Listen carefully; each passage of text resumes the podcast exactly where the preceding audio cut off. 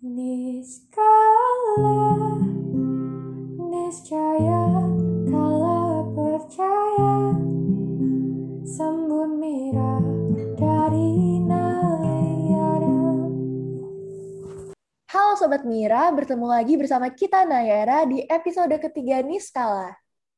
Duh Bel, gak kerasa gak sih udah episode terakhir aja. Aku bakal kangen banget nih sama sobat-sobat Mira. Sama banget nih, Ci. Aku juga bakal kangen banget nih sama sobat-sobat Mira semua. Sobat Mira kira-kira bakal kangen juga nggak sih sama kita?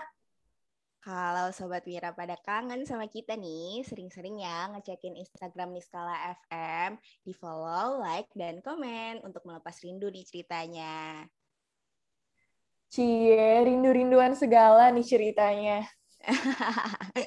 eh, udah dulu nih bercandanya. Aku sampai lupa nih kita mau bahas topik apa ya, Bel? Hmm, jadi hari ini kita akan bahas topik soal inklusivitas. Oh iya iya iya, inklusivitas. Mungkin kamu dulu nih Bel yang mulai jelasin sebenarnya inklusivitas itu apa sih? Jadi, Ci dan sobat-sobat Mira semua, inklusivitas itu berasal dari kata inklusif yang berarti memposisikan diri kita menjadi sama dengan orang lain, sehingga dapat disimpulkan bahwa inklusivitas berarti keinginan untuk berbaur dengan masyarakat tanpa melihat perbedaan dan juga memiliki suatu hasrat untuk menerima perbedaan tersebut. Nah, kalau kita melihat dari kacamata bangsa kita sendiri, Indonesia kita ini kan negara yang majemuk ya, di mana terdapat banyak sekali perbedaan di dalam masyarakat kita. Maka memiliki peran yang sangat besar terhadap persatuan Indonesia di kondisi kita majemuk ini, Ci. Bener banget tuh Sobat Mira. Nah, kita juga harus paham nih kalau kemajemukan sebenarnya adalah sesuatu yang bermanfaat bagi kita. Kalau menurut Kongres UNESCO pada tahun 2001, di sisi lain kita tuh tahu kalau misalnya konflik karena perbedaan ini sering kali terjadi. Ini biasanya nih terjadi karena ada orang-orang di antara kita yang cenderung enggan untuk berbaur dengan orang yang berbeda darinya. Inklusivitas berperan menjadi salah satu kunci dalam membawa harmoni di masyarakat yang majemuk. Inklusivitas sendiri dapat kita lakukan dengan beradaptasi ke lingkungan yang majemuk dengan tetap mengikuti norma dan menjaga kerukunan. Jadi, dalam kata lain, inklusivitas dapat dikatakan sebagai usaha dari mereka yang berbeda agar dapat berbaur dengan masyarakat dan usaha dari masyarakat untuk menerima mereka yang berbeda. Ya, iya Ci, aku setuju banget nih sama pernyataan kamu tadi. Nah, kamu pernah kebayang nggak sih kalau inklusivitas itu nggak ada? Kira-kira apa sih yang bakal terjadi pasti bakal terjadi konflik di mana-mana sih. Ih, ngeri deh kalau aku ngebayangin ya. Karena kan kayak yang kita sama-sama tahu aja nih, kalau konflik itu sering kali terjadi karena adanya suatu bentuk disagreement dan ketidakmauan masyarakat untuk menghargai satu sama lain. Contoh dari konflik ini adalah konflik sampit nih, di mana pada saat itu masyarakat Madura berkonflik dengan orang Dayak yang merupakan suku asli Kalimantan. Konflik Konflik ini terjadi karena adanya perselisihan ekonomi. Tetapi hal yang paling mempengaruhi sebenarnya adalah karena adanya perbedaan nilai antara satu sama lain. Salah satu adat orang Madura nih adalah membawa parang dan celurit. Tetapi jika dilihat dari perspektif lain, tentunya kebiasaan ini terlihat seperti perlakuan yang memancing perselisihan. Akhirnya, karena konflik ini, banyak kerugian nih yang terjadi. Salah satu akar dari permasalahan konflik ini adalah tidak adanya usaha pembauran dari pendatang dan tidak adanya usaha menerima dari masyarakat asli. Walau begitu, hal ini terjadi sebenarnya karena warga Madura yang dipindahkan secara paksa oleh Belanda pada tahun 1930. Dari kasus ini dapat dilihat nih bagaimana pentingnya inklusivitas di masyarakat yang majemuk. Wah, benar banget. Berarti pengaruh inklusivitas ini emang terbukti sangat besar ya, Ci? Iya, benar banget. Pengaruh dari inklusivitas sangat besar terhadap persatuan kemajuan bangsa kita. Untuk memajukan bangsa, tentunya harus ada persatuan nih dari warga sendiri sehingga konflik-konflik dan hal-hal yang menghalangi kemajuan dapat dihindari. Bagaimana mau ada kemajuan nih kalau misalnya masyarakat hanya akan berselisih dan berkonflik satu sama lain karena perbedaan di antara mereka. Inklusivitas inilah sebuah menjadi sebuah instrumen untuk menghindari hal-hal penghambat ini dan juga sebagai kunci untuk harmoni di tengah kemajemukan masyarakat.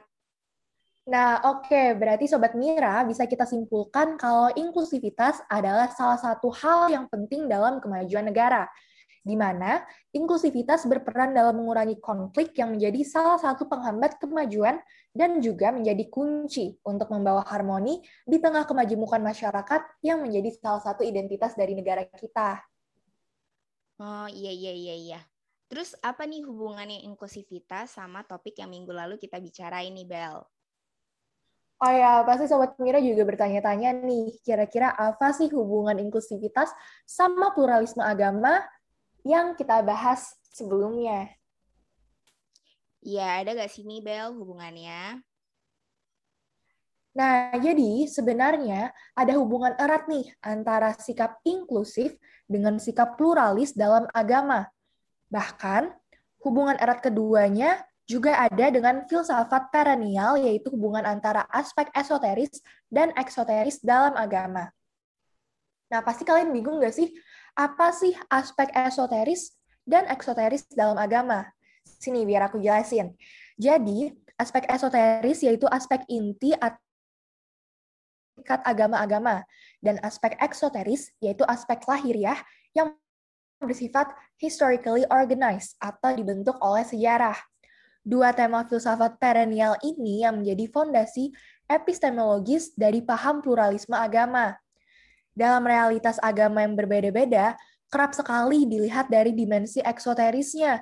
Padahal, agama yang berbeda-beda itu sama pada dimensi eksoterisnya, yang artinya setiap agama atau bentuk kepercayaan apa pun akan bermuara pada suatu kebenaran hakiki, atau bisa juga disebut sebagai kebenaran absolut. Nah, di sini maksudnya kebenaran absolut ini yang menjadi tujuan akhir dari semua agama, bukan kebenaran-kebenaran semu yang nilai pluralisme agama mendapatkan landasan ontologis dan epistemologisnya, bahwa agama-agama akan bermuara pada satu tujuan yang sama, yaitu kebenaran absolut yang mengatasi kebenaran-kebenaran semua lainnya. Jadi, dalam memahami perbedaan agama, sebaiknya kita melepas pandangan semu kita nih, dan masuk ke dalam inti spiritualitas agama-agama yang hakiki dan sejati untuk mencapai kebenaran absolut itu tadi. Oh, jadi bisa dibilang juga nih ya, kalau misalnya hubungannya dengan inklusivisme Islam adalah bahwa perbedaan agama sebaiknya disikapi dengan arif dan bijaksana, dengan berlandaskan pada pluralitas kebenaran semu dan juga pada dimensi esoteris agama-agama yang hakiki. Yes, benar banget. Sikap keberagaman inklusif juga harus didasarkan pada relativisme kebenaran. Aduh, relativisme apalagi nih? Relativisme ini bukan berarti jadi nihilisme ya teman-teman, tetapi tetap mengakui kebenaran absolut dari kebenaran-kebenaran semu yang ada tadi. Jika perbedaan agama yang ada di Indonesia tidak didukung dengan pandangan atau sikap keberagaman yang inklusif, terbuka, dan plural, maka kemungkinan besar perbedaan itu akan menjadi momok yang menakutkan nih bagi kelangsungan hidup beragama di Indonesia. Apalagi di wilayah-wilayah yang memang persentase penganut masing-masing agama tak seimbang, sehingga bisa jadi ada kemungkinan nih untuk mayoritas menekan yang minoritas. Oleh sebab itu, gagasan inklusivisme Islam yang diajarkan oleh Cak Nur diperlukan dalam membangun kerukunan antar umat beragama yang ada di Indonesia. Oh iya iya benar. Kayak kasus-kasus yang kita bahas di episode sebelumnya harus jadi pelajaran berharga nih bagi kita masyarakat multikultur dan multiagama di Indonesia. Kasus-kasus tersebut menunjukkan bahwa perbedaan agama rawan konflik kekerasan atas nama agama. Sebenarnya hal itu tidak perlu terjadi kok, seandainya masing-masing penganut satu, dua, tiga. Sebenarnya hal itu tidak perlu terjadi kok seandainya masing-masing penganut agama bersikap inklusif, terbuka, toleran, dan plural. Kita tak bisa membiarkan kekerasan atas nama agama nih, dan tak ada alasan untuk menyingkirkan perbedaan itu sebenarnya. Salah satu yang bisa dilakukan adalah menumbuhkan sikap inklusif dalam diri masing-masing pemeluk agama. Iya, aku setuju banget nih, Ci. Nah, kita harus bisa mengubah persepsi kita bahwa perbedaan bukan harus dihilangkan dan kemudian dibuat seragam, tetapi perbedaan harus dihormati dan dihargai sebagai yang beda. Nah, yang beda ini memiliki jalan dan caranya sendiri dalam menuju kebenaran absolut. Begitu pula dalam konteks agama, bahwa setiap agama punya cara dan metodenya sendiri dalam mendekati kebenaran absolut itu tadi. Nah, nggak bijak nih jika satu agama menggeneralisir cara dan metodenya pada agama-agama yang lain.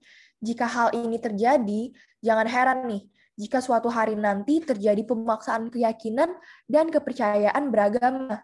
Jelas pemaksaan ini akan berakibat fatal, yaitu pelanggaran atas kebebasan beragama dan mengabaikan hak-hak warga negara untuk memeluk agama yang sebenarnya sudah dijamin dalam konstitusi kita dalam sebuah masyarakat yang multikultur, sepatutnya kita menjunjung tinggi komunikasi yang bebas dari dominasi dan paksaan agar tercipta masyarakat yang demokratis.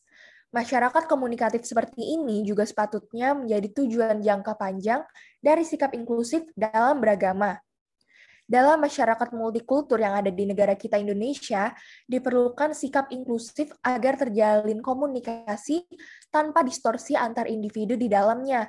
Konflik ini bisa terjadi jika dalam masyarakat multikultur komunikasi terhenti dan akibatnya dominasi suatu kelompok atas individu yang lain bisa terjadi dan pemaksaan keyakinan akan beragama juga akhirnya menciptakan kondisi ketidakbebasan. Nah, Sobat Mira juga harus ingat ya, kalau masyarakat yang tertata secara demokratis memang menuntut sikap terbuka dari individu-individu di dalamnya. Kenyataan seperti ini mengandaikan suatu kerjasama sosial yang baik antar individu. Kerjasama sosial tak mungkin terlaksana tanpa kesadaran untuk menghargai perbedaan dan mengembangkan sikap inklusif kerjasama sosial bukan hanya pada wilayah sosial, politik, dan ekonomi ya, tetapi juga pada kehidupan beragama. Kerjasama sosial dalam kehidupan beragama harus dilandasi sikap menerima dan menghargai perbedaan. Menghargai dan menghormati perbedaan inilah yang menjadi penting dalam suatu kerjasama sosial karena menjadi dasar untuk saling membantu dan menolong sesama pemeluk agama. Betul banget nih, Sobat Mira semua. Jadi kunci untuk mencapai inklusivitas itu tadi juga bisa kita capai dengan kerjasama sosial ya. Setuju banget nih sama Cia. Duh, kita udah panjang banget nih. Takutnya Sobat Mira pada ngantuk lagi ngedengerin ceramah panjang kita nih.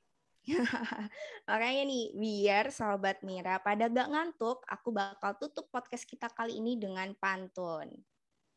Asik Cia si pemantun. Gimana tuh pantunnya? Pergi ke pasar ketemu Bu Asih. Cakep. Bu Asih ternyata jual buah kelapa. Cakep. Cukup sekian, terima kasih. Semoga bermanfaat untuk kita semua. Oke, jadi segitu aja ya Sobat Mira podcast kita untuk kali ini. Semoga Sobat Mira semua dapat memetik manfaat dan dapat belajar lebih banyak tentang pluralitas agama. Terima kasih Sobat Mira semua. Sampai ketemu lagi. Bye-bye. Bye-bye. Niskala, niscaya, kala percaya, kala harapan tak lagi ada, buatlah jiwa percaya, meski secara berkala, semua bentuk usaha adalah asa bentuk insan manusia dalam cipta dan karya. Sampai jumpa Mirani skala.